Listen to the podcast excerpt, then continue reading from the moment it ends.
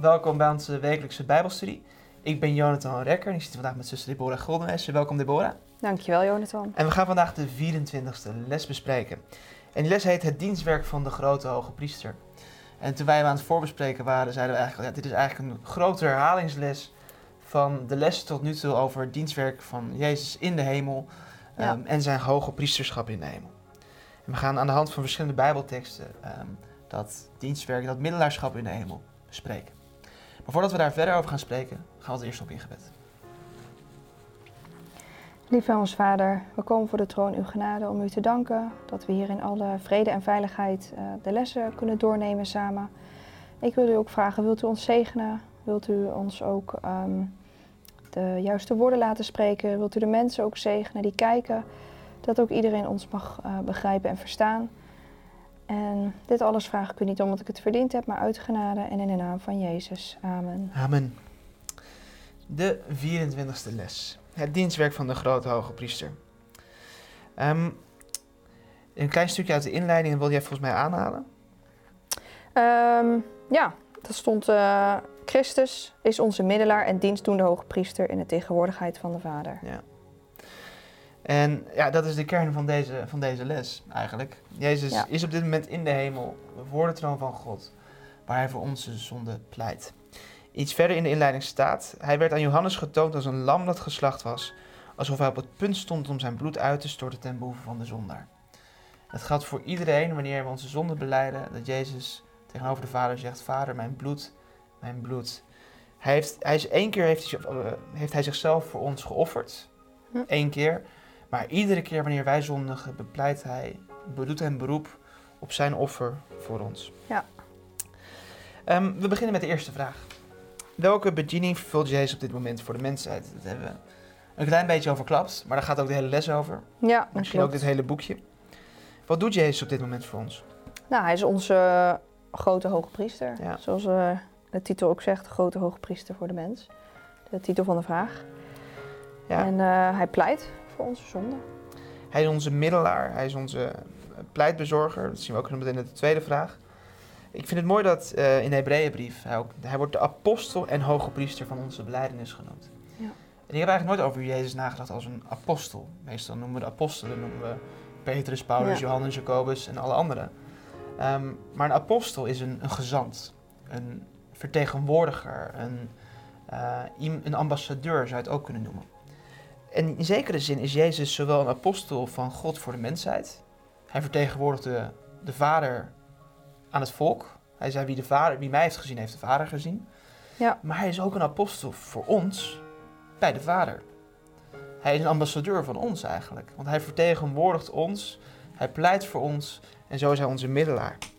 Ehm, dus hij is de apostel en hoge priester van onze beleidenis.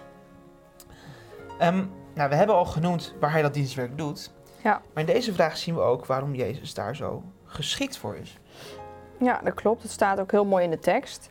In het laatste stukje. Ehm, want wij hebben geen hoge priester die geen medelijden kan hebben met onze zwakheden. Maar één die in alles op dezelfde wijze als wij is verzocht, maar zonder zonde. Dus waarom is Jezus zo goed? En zo'n goede middelaar voor ons? Want hij is precies hetzelfde ervaren als wij. Hij Ja, weet precies wat wij meemaken. Ja. Ehm, dus dat maakt hem ook zo'n rechtvaardige rechter. Want hij kan zich volledig met ons inleven. Hij weet precies wat, we, wat voor gevoelens we hebben, wat voor verleidingen we moeten doorstaan. ehm, wat dat met ons doet. ja. Hij ziet het, hij weet het allemaal en hij heeft het zelf ook meegemaakt. ja. hij heeft dezelfde weg bewandeld als wij Ja. eigenlijk. En anderzijds, waar mij ook zo geschikt is, er staat een zinnetje daarvoor. Die, nu zijn wij dan een grote hoge priester hebben die de hemel is doorgegaan, namelijk Jezus, de Zoon van God. Ja, Jezus heeft zelf deel aan de Godheid.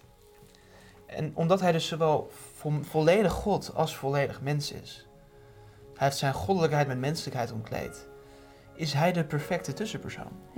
Absoluut. Want hij vertegenwoordigt zowel de godheid als de mensheid bij God. Ehm, er is geen geschikter persoon dan hij om dit werk te kunnen doen. Nee, nee inderdaad.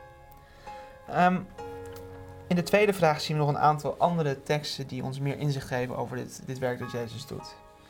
De vraag die erbij staat is welk groot werk verricht Jezus op dit moment? Nou, dat hebben we eigenlijk al benoemd. Ja, hij pleit voor onze zonde. Hij pleit voor ons. Ja. Ehm, hij is onze middelaar. Ehm, hij vertegenwoordigt ons. Wat ik ook mooi vond is dat in 1 Timotheüs 2 vers 5 en 6 staat... Want er is één God, dat geloven we. Er is één God, één Godheid. Er is ook één middelaar tussen God en de mensen. Namelijk de mens Christus Jezus. Ja. Ehm, ja, dat is echt mooi. En dat is op zich het mooie, is dus dat Jezus is zowel God, volledig God, als volledig mens. Maar hij is altijd mens gebleven ook. En zal dat ook altijd blijven. Hij zal tot in eeuwigheid ehm, die brug zijn die Jacob zag tussen de hemel en de aarde. Tussen de mensen en tussen God. Altijd deelgenoot van de menselijke natuur. En dat, dat Paulus aan Timotheus ons vertelt dat Jezus, de mens Christus Jezus, de middelaar is wijst erop dus dat Jezus nog steeds in de hemel als mens is en als God. Um, er is ook een punt. Er zijn uh, christenen die geloven dat er andere middelaars zijn tussen God en de mens. Um, dat er namelijk heiligen zijn, dat Maria een directe middelaar is tussen God en de mens. Dat um, ja, we dus andere mensen die in de hemel zouden zijn kunnen vragen om voor ons een goed woord te doen bij God. Maar ja, wat staat hier in deze tekst? Hoeveel middelaars zijn er? Ja, één. Het staat er heel duidelijk. Ja. Dus één, uh, één middelaar. Eén middelaar tussen God en de mensen. Er is geen andere toegang tot God dan Jezus. Nee. Nee, dat kan ook niet zomaar, want wat Jezus heeft gedaan, ja. dat kan ook niet zomaar iedereen. Dat uh, ja. is hij voor uitgekozen. Hij, hij, is de enige die daar ook geschikt voor is. Ja. Dat hebben we in de vorige vraag gezien. Alleen hij, omdat hij zowel uh, God als mens is, kan dit doen. Daarom is er maar één weg naar God en dat is Jezus. Hij is de weg, de waarheid en het leven. Um, een andere mooie zekerstelling vind ik in Romeinen 8, vers 34. Misschien kan jij die voorlezen. Wie is het die verdoemt? Christus is het die gestorven is. Ja, wat meer is, die ook opgewekt is, die ook aan de rechterhand van God is, die ook voor ons pleit. Ja, dus als we ons zorgen maken om. Um, als we slecht. Helaas zondigen we allemaal. En dan kunnen we ons zorgen maken, ja. Heb je er spijt van? Maar dan denk je, ja, maar word ik nu wel vergeven misschien? En dan is dit een prachtige herinnering aan ons, voor ons. Wie is het die verdoemt? En dan is eigenlijk het antwoord: niemand. Want Christus is voor ons gestorven. Ja, wat meer is, hij is opgewekt. Hij is aan de rechterhand van God voor ons. Hij Ja. pleit voor ons.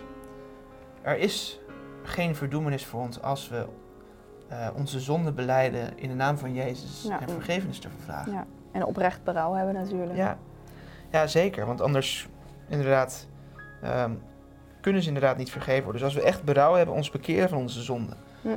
dan kunnen we een beroep doen op Jezus' bloed. En dan zal Jezus voor ons pleiten en verzoening voor ons teweeg brengen. Ja, er was ook nog een mooi stukje in de opmerking. Als je die zou willen lezen. De verlosser van de wereld bezat de macht om de mensen naar zich toe te trekken, hun angsten tot bedaren te brengen, hun somberheid te verdrijven, hen met hoop en moed te bezielen, hen in staat te stellen te geloven in de bereidheid van God om hen aan te nemen door de verdiensten van een goddelijke plaatsvervanger. Ja, het is gewoon een heel mooi stukje uit de opmerking. Ja.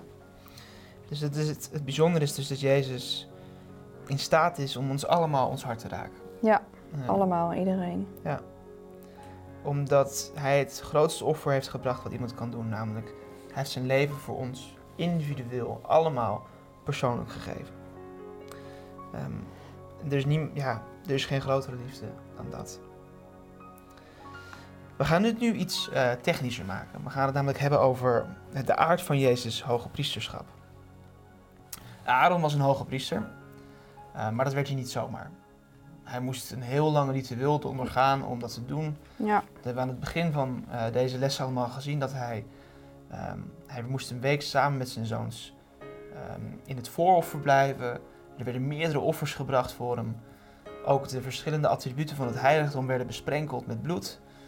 Ehm, allemaal moest dat gereinigd worden, omdat het anders onrein zou zijn. En het moest gereinigd worden om volmaakt te worden. Want Aaron was natuurlijk zelf, en ook elke keer als Aaron een offer bracht, moest hij eerst een offer voor zichzelf brengen. En daarna kon hij pas een offer brengen voor het volk. Ehm, en dat was omdat Aaron zelf een gebrekkige priester was. Hm. Maar heeft Jezus dat nou ook nodig gehad? Nee, nee. Want hij had zichzelf al geofferd. Ja, dus hij, hij, hij was een volmaakte hoge priester. Ja, hij, had, het geen- allemaal niet nodig. Hij, had, hij hoefde niet, hoewel hij ook in de woestijn is verbleven eigenlijk, ehm, voor zijn wijding. Maar niemand heeft ooit een offer voor hem gebracht. Nee. Eh, want dat hoefde ook niet, want hij was al de volmaakte priester. Er Ja. was niks mis met hem. Het enige offer dat hij heeft gebracht was het offer voor ons. Ja, Ehm, zichzelf. hij heeft zichzelf geofferd, onze, onze zonde gedragen. Ehm, en voor zover hij geofferd heeft voor zonde die hij droeg, was dat vanwege de, de offers die hij, onze zonde die hij voor ons droeg. Hm. Er zat geen enkele zonde van hemzelf bij, voor, bij de zonde die, waarvoor hij is gestorven. Nee. nee, want dan kon het hele verlossingsplan Ja. niet doorgaan. En dat is ook wat hier in Hebreeën staat. Hij heeft het niet nodig, zoals de hoge priesters, elke dag eerst voor zijn eigen zonde slachtoffers te brengen. En pas daarna voor die van het volk. Want dat heeft hij eens en voor altijd gedaan toen hij zichzelf offerde. Ja, Daar staat ook iets anders in. Ehm, er zijn christenen die geloven dat Jezus nog iedere week wordt geofferd. Bij de Eucharistie. Ehm, dus dat Jezus letterlijk, wanneer ze het avondmaal doen, dat Jezus letterlijk wordt geofferd. Dat zijn lichaam letterlijk wordt gebroken en zijn bloed letterlijk wordt gedronken. Ja. Maar hier in Hebreeën lezen we duidelijk, hij heeft zichzelf eens en voor altijd geofferd. ja, Er hoeft niet een wekelijks offer plaats te vinden. We hebben deel aan het offer van Jezus, zeker. En zinnebeeldig geloven we dat wanneer we het avondmaal doen, we ook deel hebben aan dat offer. Maar niet dat het Jezus letterlijk is. nee, Dat niet Jezus letterlijk nog een keer voor ons wordt geofferd. nee. Nee, dat heeft hij eens en voor Ja, altijd, altijd gedaan. Ehm, waarom wordt Jezus nou de priester naar de orde van Melchizedek genoemd? Ehm, nou ja, door God is hij zo eh, Ja. genoemd. Hè? Dus zoals in de tekst, door God is hij hoge priester genoemd. Naar de ordening van Melchizedek. Dat is inderdaad in de psalmen. Ja, Ehm, Aaron die, de, en zijn zoons die mochten alleen maar priester worden omdat ze nakomelingen waren van Levi. mhm. Van welke stam was Jezus? niet, eh, niet van leven in ieder geval. Van Juda. Ja. ja. En dus kon Jezus dus ook niet een aanspraak doen op de, Aaronot, eh, de Nee. Aaronitische eh, bloedlijn. Nee, net zoals eh Melchizedek. Precies. En van Melchizedek is er ook geen bloedlijn bekend. Nee, Ehm, er is ook niet bekend wanneer die is gestorven. Ehm, wanneer die priester is geworden, wie zijn ouders waren, allemaal niet. Het enige wat we weten van hem is dat hij priester van de eeuwige God was. Dat, Aaron, dat pardon, Abraham aan hem ook de tiende gaf. En dat maakt dus dat die Melchizedek eigenlijk een, een de Hebreeënbrief noemt hem een voorloper eh, misschien van Jezus. Ehm, hij is een zinnenbeeld van Jezus in die, in die, in die persoon. ja, Want Ja. Jezus ook was geen Aaronitische priester, maar toch priester. Dus naar de ordening van Melchizedek. Ja, precies zoals hoe Melchizedek Ja. inderdaad. eh, zonder dat hij van eh, Levi afstamde, kon hij toch eh, priester Ja. zijn. Dus dat was wel speciaal natuurlijk. In de tekst staat ook, ehm, de vraag is vervolgens, wat heeft Jezus door zijn dood voor ons tot stand gebracht? Ehm, in de tekst staat, en toen hij volmaakt was geworden, is hij voor allen die hem gehoorzamen een oorzaak van eeuwige zaligheid geworden. Ja. Wat betekent dat, dat dat Jezus volmaakt is geworden?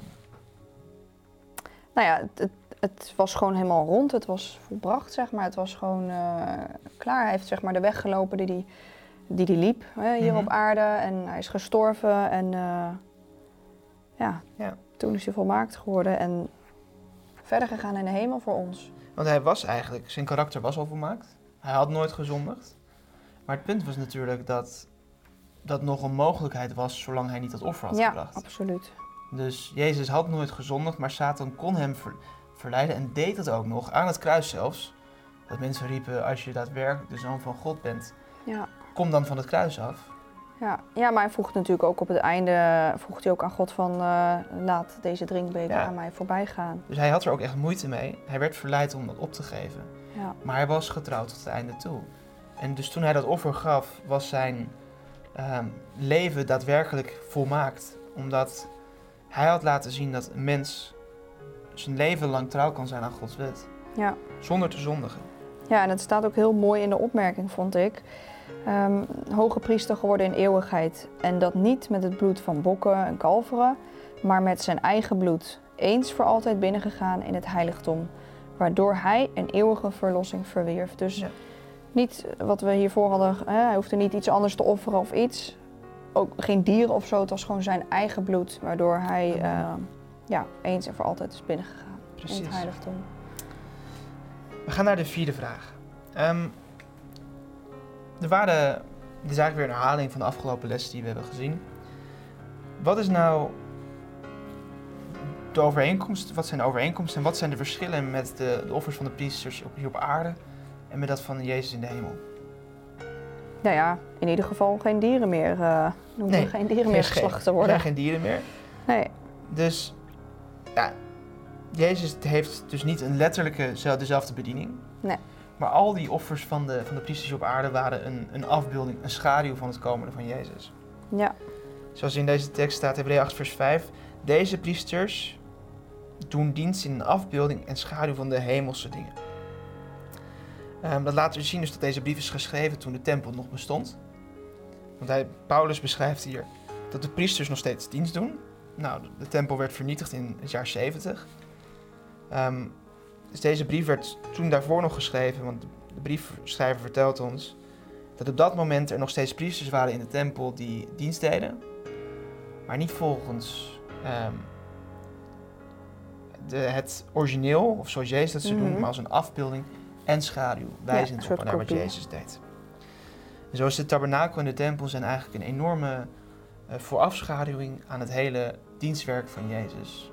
Het wasvat de doop, het offer, eh, altaar, nou, het offer van Jezus, het heiligdom, Jezus het dienstwerk in het heiligdom in de hemel en het heilige der heiligen, de grote verzoendag. Daar gaan we het ook nog over hebben.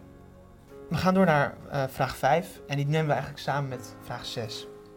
En de vijfde vraag kunnen we eigenlijk samenvatten in die zin, waar is Jezus heen gegaan, eh, binnengegaan na zijn hemelvaart? Eh, hij is binnengegaan in het heilige, Ja, waar eh, de priester dagelijks dienst deed. En die priester die, die deed dus dagelijks een dienst, die, die, die bracht met het avondoffer en het ochtendoffer ook het wierookalt, wierookoffer. In het- in- Ja, en de met- dingen die altijd moesten branden, die altijd aan moesten zijn. Dat moesten ook... De eh, lonten werden bijgehouden inderdaad. Ehm, en daarbij nam die eigenlijk, omdat de priester ook het vlees moest eten van de offers. mhm. En soms nam hij ook het bloed mee als er een bepaalde persoon, zoals de hoge priester had gezondigd. Moest het bloed van, ehm, van de stier die was geofferd, moest worden uitgespreid op het, eh, op het voorhangsel. Zo kwamen dus de zonden van het volk in het heilige terecht. Ja, in zekere zin dus toen Jezus onze zonden op zich had genomen, Ja, kwamen ook onze zonden in het hemels heiligdom terecht. En nog steeds wanneer wij eh, zondigen en onze zonden beleiden, komen die offers terecht in het hemels heiligdom. Ja. Want we vragen om verzoening en alleen daar kan verzoening tot stand worden gebracht. Ehm, en dat is ook wat in deze tekst staat. Het was dus noodzakelijk dat de afbeeldingen van de dingen die in de hemel zijn hierdoor gereinigd werden, door bloed. Maar de hemelse dingen worden zelf gereinigd door betere offers dan deze. Dus het offer van Jezus zou ook uiteindelijk het hemels heiligdom eh, moeten reinigen. In de zesde vraag, als we dan kort, we nemen ze toch samen. mhm. Ehm, waar is dus Jezus, Jezus dus binnengegaan? In het heilige. En wat heeft hij precies allemaal gedaan eh, in dat heilige tot en met 1844 eigenlijk? Nou ja, in ieder geval niet wat er eh, eh, op de aardse heilige werd gedaan. Hij, hij pleitte met zijn bloed Ja, bij de vader. dus het is niet een letterlijke, het is niet een letterlijke vervulling, want ja, er zijn geen dieren die elke dag worden geofferd. Nee, nee. Is maar één offer, dat is Jezus zelf. Ja, en hij is ook nooit binnengegaan in een heiligdom dat met handen gemaakt is. Dus Hij is in het hemelse heiligdom binnengegaan. ja, Ehm, en Paulus zegt, want de Christus is niet binnengegaan in het heiligdom dat met handen gemaakt is, maar in de hemel zelf. ja, Om nu voor het aangezicht van God te verschijnen voor ons. En het belangrijkste werk daarin is natuurlijk eigenlijk ehm, ja, het wierookaltaar. Waar Jezus onze gebeden brengt bij, bij de Vader. ja, het staat ook heel mooi in de opmerking, hè, dat laatste stukje. Uh, zo pleitte Christus ook met zijn bloed bij de Vader in het belang van de zondaren en bracht hij de gebeden van een berouwvolle gelovige met het fijne reukwerk van zijn gerechtigheid voor de Vader. Dit was de dienst in de eerste afdeling van het heiligdom in de hemel. Amen. Door um, Jezus' offer zijn onze zonden dus aangekomen in het heilige. Ja. En je zou kunnen zeggen dat onze zonden dus het heiligdom hebben verontreinigd. Ja, zo kun je het wel zeggen. Ja. Ja, Ehm, maar door zijn bloed. Hoe gebeurt dat in het aardse heiligdom? Dus de zonden kwamen in het heiligdom het hele jaar door. Nou, hoe werd dat opgeruimd eigenlijk? Hoe, wat moest er gebeuren om het heiligdom weer te reinigen? Nou En ja, dan komen, komen we bij de zevende vraag. ja, dat mocht in ieder geval niet zomaar iedereen doen. Ja, dus dat was echt eh, de hoge priester, zoals ook in de vraag staat eigenlijk. Waar verrichtte... die ging op één dag in het jaar, de grote verzoendag, naar binnen. Om voor eens in het jaar de verzoening te doen voor alle zonden Ja. van dat jaar. Zodat het heiligdom weer gereinigd zou worden. Ja. Ehm, als we dat nou toepassen op ons. ehm, in Daniel staat er dat er na 2300 avonden en morgens zal het heiligdom weer in rechten hersteld worden. In de originele eh, vertaling van de King James staat gereinigd. Ehm, ja, wanneer zijn de 300 avonden en morgens afgelopen? In 1844. Ja. En toen is dus de grote verzoendag voor ons begonnen. En al die zonden die van ons die in het heiligdom zijn gekomen, worden op dit moment dus, sinds 1844, eens en voor altijd verzoend. Ja, ja dat, daar pleit hij nu voor. Ja, Want het is natuurlijk niet zo dat je... Oké, hier zijn, je, zijn de zonden en klaar. Nee, er Ja. moet ook echt voor gepleit worden. Want daar is Jezus ook voor gestorven. Het is niet voor niks geweest. Hij moet ook nog voor, ja, zoals ik het zeg, voor pleiten van... Dit eh, heeft Deborah gedaan en eh, zus en zo. En echt als een soort advocaat ook. Ja. Hè? Dat, dat lezen we ook in de Bijbel. Dat Jezus ook een advocaat is. De bemiddelaar tussen God en ons. En hij heeft eigenlijk gewoon heel veel taken. Gelukkig maar. Want ja. wij kunnen niet zelf onze zonde zomaar bij God neerleggen. Iedere keer wanneer wij onze zonden beleiden, dan zegt Jezus voor ons, Vader, mijn bloed, mijn bloed, mijn bloed. Ja, En door zijn verzoeningswerk kunnen onze zonden voor eens en voor altijd worden uitgedelgd. Eh, Om net zoals met de grote verzoendag op de azazel te worden gelegd. En na de duizend jaar worden, wordt de hele aarde gereinigd eigenlijk van de zonde. En onze zonden worden daarbij mee voor eens en voor altijd uit het universum gedelgd. Via het dienstwerk van Jezus. Zou jij dit stukje uit de opmerking, het begin van de opmerking willen lezen? 18 eeuwen lang vond deze dienst in het eerste deel van het heiligdom plaats. Het bloed van Christus pleitte voor de berouwvolle gelovigen. Door zijn bemiddeling werden hun zonden vergeven en werden zij door de Vader aangenomen. Toch bleven hun zonden in de boeken opgetekend. Net zoals er in de zinnenbeeldige dienst verzoening moest worden gedaan op het einde van een jaar, moet er voor Christus werk tot verlossing van de mens wordt afgesloten ook verzoening worden gedaan om de zonde uit het heiligdom in de hemel te verwijderen. Ja. Dus Jezus, Ja, er is dus een, een verzoeningswerk nodig. absoluut. En in, in deze les hebben we eigenlijk in een vogelvlucht besproken wat we ook al de afgelopen les hebben gezien. Namelijk dat Jezus dat verzoeningswerk voor ons doet. Dat Hij eh, op dit moment in de hemel ervoor zorgt dat onze zonden voor eens en voor altijd kunnen worden uitgedelgd. Maar bij de grote verzoendag hoorde ook nog iets anders. En dat was het onderzoekend oordeel. Dat iedereen die het afgelopen jaar had gezondigd, ging bij zichzelf te raden, wat heb ik allemaal verkeerd gedaan. Ja, Daar hebben we deze les niet over gehad. Maar de volgende les gaan we het daarover hebben. Over die andere componenten, zowel de verzoening als het onderzoekend oordeel, als de twee grote eh, poten van de grote verzoendag. We zijn aan het einde gekomen van deze les. Eh, we hebben gezien wat voor een belangrijk en prachtig werk Jezus voor ons doet. Wat voor een essentieel werk. En mijn wens en gebed is dat we toch alsjeblieft mogen onthouden dat wij zo'n grote hoge priester hebben in de hemel. Iemand die met ons meeleeft, die onze zwakheden kent als geen ander. Die ons door en door kent, die ook medelijden heeft met ons. Die niet een strenge eh, meester of rechter is, die oneerlijk is, ons oneerlijk zou beoordelen, maar iemand die precies weet wat er met ons aan de hand is. En die niets anders wil dan dat wij worden gered. Mijn wens en gebed is dat u niet vergeet dat Hij voor u klaar staat om voor u te pleiten. En dat elke keer wanneer u het moeilijk heeft in uw leven, altijd naar hem toe mag gaan. Ik wens u Gods rijke zegen toe en ik hoop u graag de volgende keer weer te zien.